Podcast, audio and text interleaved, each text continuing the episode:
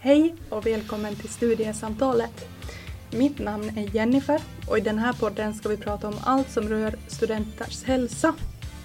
I dagens avsnitt så ska vi lära oss om särskilt pedagogiskt stöd, vilket är ett stöd som erbjuds studenter med funktionsnedsättningar här på bland annat Stockholms universitet.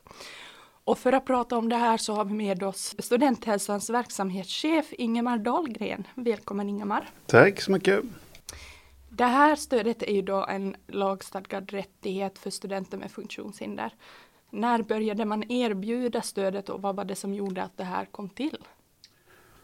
Jag vet inte exakt när man började ge det här stödet men det är ju en, en rättighetsfråga. Att studenter ska kunna studera på lika villkor. Och det här är en politisk fråga. Det kom på slutet på 60, i början på 70-talet kom ju det till grundskolorna. Och sen så småningom kom det till högre utbildning. Och det hänger ihop med funktionshinderpolitiken och FNs mänskliga rättigheter. Så att det har växt, i, alltså in, eh, medvetenheten har växt i samhället i stort. Och det finns politiskt intresse av att av att minska skillnaderna. Just det. Studenthälsan har ju då en enhet som specifikt arbetar med särskilt pedagogiskt stöd. Min första fråga då är, vilka kan få stödet? Mm. För att få då särskilt pedagogiskt stöd så behöver man ha en varaktig funktionsnedsättning. Och en varaktig eh, varaktighet, alltså en permanent funktionsnedsättning är ju att här, den här nedsättningen kvarstår under en längre period. Hur varaktig ska den vara? Ja, i alla fall minst sex månader mm. är det sagt. Mm. Vilka diagnoser är det frågan om då? Ja, så den vanligaste diagnosen det är dyslexi. Och sen är det neuropsykiatriska funktionsnedsättningar av olika slag. Och så är det psykisk ohälsa. Okej. Vilken slags psykisk ohälsa kan, man berätta, kan du berätta mer om? Ja, det kan vara att man, man ska ju ha, ha ett läkarutlåtande som beskriver svårigheterna. Så det beror ju lite på. Men vanliga är ju depression till exempel. Men då ska man ju ha en klinisk depression för att det ska vara varaktigt. Eh, så det är inte så att man är tillfälligt nedstämd eller så. Utan det är en varaktighet. Men du har också de som har manodepressivitet. Eller har varit eh, utmattade på något sätt ha sådana diagnoser. Mm. Just det. Så utbrändhet kan också vara en godkänd diagnos? Ja, det, det kan ju vara det. Så det beror, men det beror ju på hur, alltså hur det beskrivs och, ja. och, och, vad det är för. Men, men ja, det, det kan det. Mm. Uh, men om man har svårigheter då med till exempel prokrastinering och koncentration men man inte har en diagnos, vart ska man vända sig då? Ja, man kan inte få hjälp med, med eh, särskilt pedagogiskt stöd. Alltså du kan inte få stödåtgärder. Uh, utan där har ju studenthälsan bra uh, hjälp. Man kan gå både individuellt och i grupp. Vi, har, vi uppmanar att, att delta i våra grupper. För det är bra att träffa andra som är i liknande situationer. Uh, men om man då skulle ha rätt till pedagogiskt stöd, mm. vilka, vilka typer av anpassningar kan man få? Mm. Det finns ganska många anpassningar. Um, anteckningsstöd är ju ett vanligt.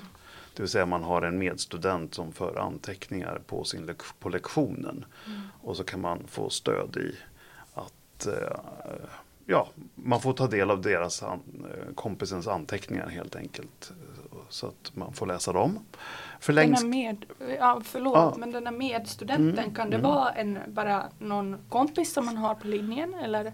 Ja, du måste ju ha någon som sitter i klassrummet. Mm. Så det är någon som går samma kurser som du själv gör. Okay. Så det är ingen utifrån eller så. Vi har inga professionella uh, antecknare utan det är rekrytering bland medstudenter. Hur vanligt, det här är då alltså det vanligaste? Det här är bland de vanligaste. Ja. ja.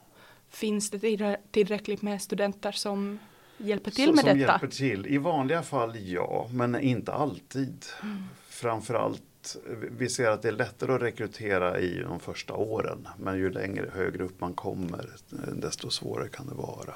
På vilket sätt rekryterar ni de här? Det gör institutionen. De går ut med information och, och att nu efterfrågar vi det här. Så, så det är ett samarbete vi har med institutionerna.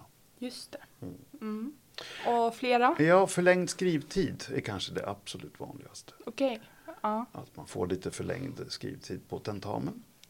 Också tenta i enskilt rum Mm. om man inte klarar av att sitta i grupp. Eh, man kan få att använda dator eller dator med ta- talsyntes och rättstavningsprogram vid examinationer också. Det är inte helt ovanligt. Eh, spela in föreläsningarna är också eh, det blir ju vanligare och vanligare att man kan få- den möjligheten. Mm.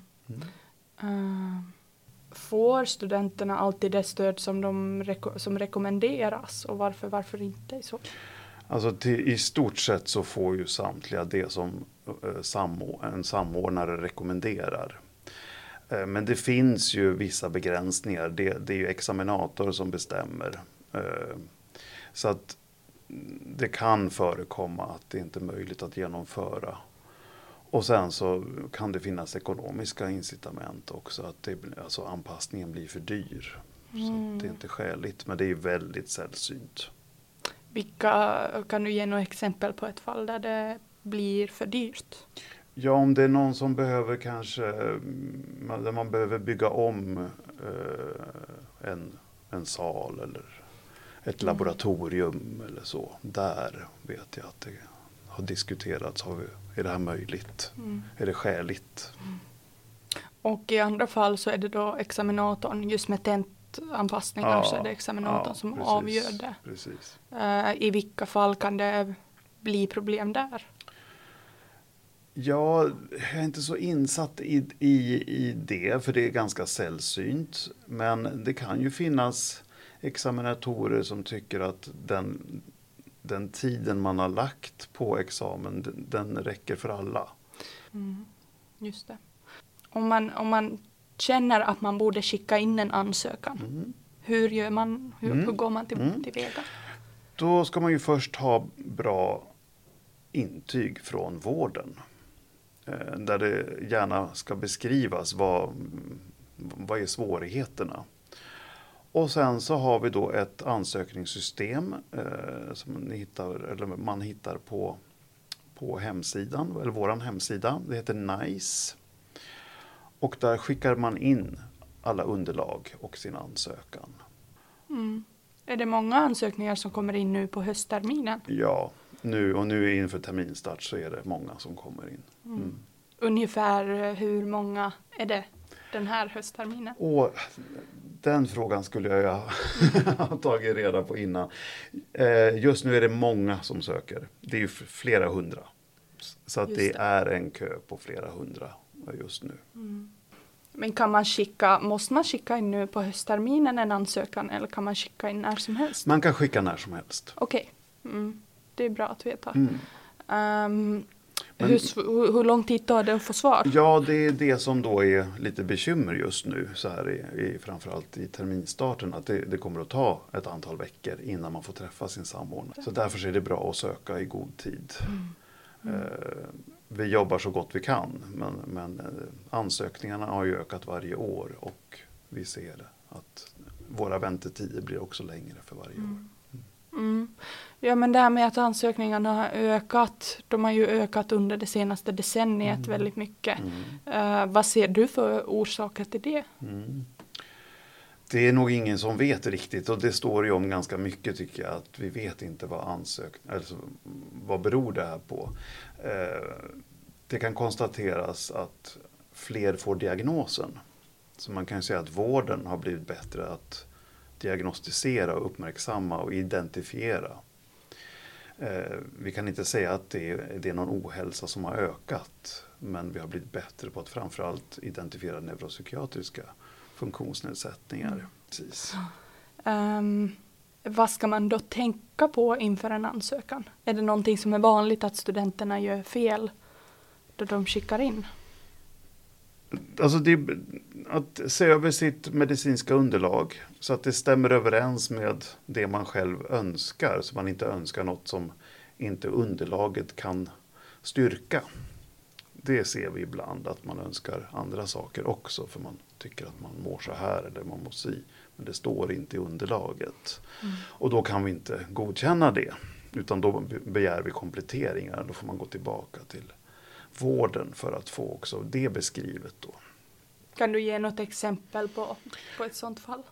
Jo, men om man, om man har en dyslexi och så i, i samtalet med samordnaren säger man men jag mår ju dåligt. På, så jag är orolig och har ångest och vill inte sitta i klassrummet. Eller det är jobbigt för mig att sitta med andra. Det är ju någonting annat. Det har ju inte med dyslexin som har med läs och skrivsvårigheter att göra. Så då kan vi inte ge det stödet om det inte också står att det finns en ångestproblematik och behöver sitta i mindre klassrum eller så. Mm. Så, så, det är ett exempel. Um, finns det något problem med stödet så som det är utformat idag? Vad tycker du? Alltså alla stöd har ju sina begränsningar. Och eh, det, ibland skulle jag vilja kanske att vi skulle kunna göra lite mera. Eh, jag skulle vilja ha eh, kortare väntetider och sådana saker. Så att det finns, det finns mer att göra där. Mm. Så att det, och också, nu håller vi på att ta fram en handläggningsordning här för SU just när det gäller ansökan om, hand, eh, om handläggning. Som jag tror kommer att utjämna vissa olikheter. Mm. Och det blir tydligare vad man kan få och förväntas och hur man överklagar och sådana saker. Så mm. det kommer väl till våren hoppas jag att det blir Aha. klart.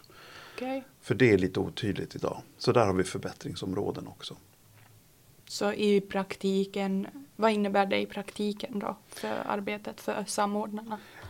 Ja, det kommer att bli nog lite alltså vi, vi, vi ska stötta institutionerna mer. Mm. För de har ganska mycket frågor och undringar och det ska vara en tydlighet mellan Alltså vad händer när man har fått ett ja hos en samordnare? Vem går man till på institutionen? Idag ser det väldigt olika ut och vi vet inte själva vilken man ska gå. Vi säger gå till institutionen men vi vill ha ett namn, vi vill ha en kontaktperson. Det är den här personen du ska vända dig till och så vidare. Så, så att idag ser det väldigt olika ut. Och kan du berätta lite om enheten för särskilt pedagogiskt stöd som finns på Studenthälsan? Mm. Hur många samordnare finns det och ja, vad, vad, jobbar de mm. med? Samordnare har vi fyra styckna och de tar emot de här ansökningarna eh, från studenter. Så att de tittar på underlagen, ser om de uppfyller kriterierna för att ha en varaktig funktionsnedsättning och fattar då beslut eller ger avslag. Eh, och sen så har de ett samtal med varje student för att stämma av vilket stöd som är lämpligt. Och, och, skriver och gör en rekommendation. Hur gör man då om man har fått avslag? Tar samordnaren kontakt också? Avslag, då blir det bara ett mejl som, som säger att vi, vi har gett avslag och så förklarar vi varför i mejlet. Men vi har inga samtal inte. Kan man överklaga ett, ja, ett avslag? det kan man göra. Hur gör Så man då? Man vänder sig till eh, ÖNH. Um, precis. Mm. Får ni mycket eh, sådana slags alltså överklaganden? Inte överklaganden, men vi får många frågor kring det. Varför, har inte, varför är inte min skada en funktionsnedsättning? Eller man förväntar sig att sina intyg duger så att säga. Mm. Och då är det mycket dialog. Just det. Så att, eh, och då tror jag de flesta förstår. Mm. Mm. mm. Så det är, säll, det är, sällan man överklagar. Ja. Mm. Då så. Det börjar vara dags att avrunda det här avsnittet. Men det har varit jätteintressant att få höra mer om det här stödet. Och det hoppas jag att lyssnarna också ska tycka. Tack så mycket för att du har gästat. Tack så mycket.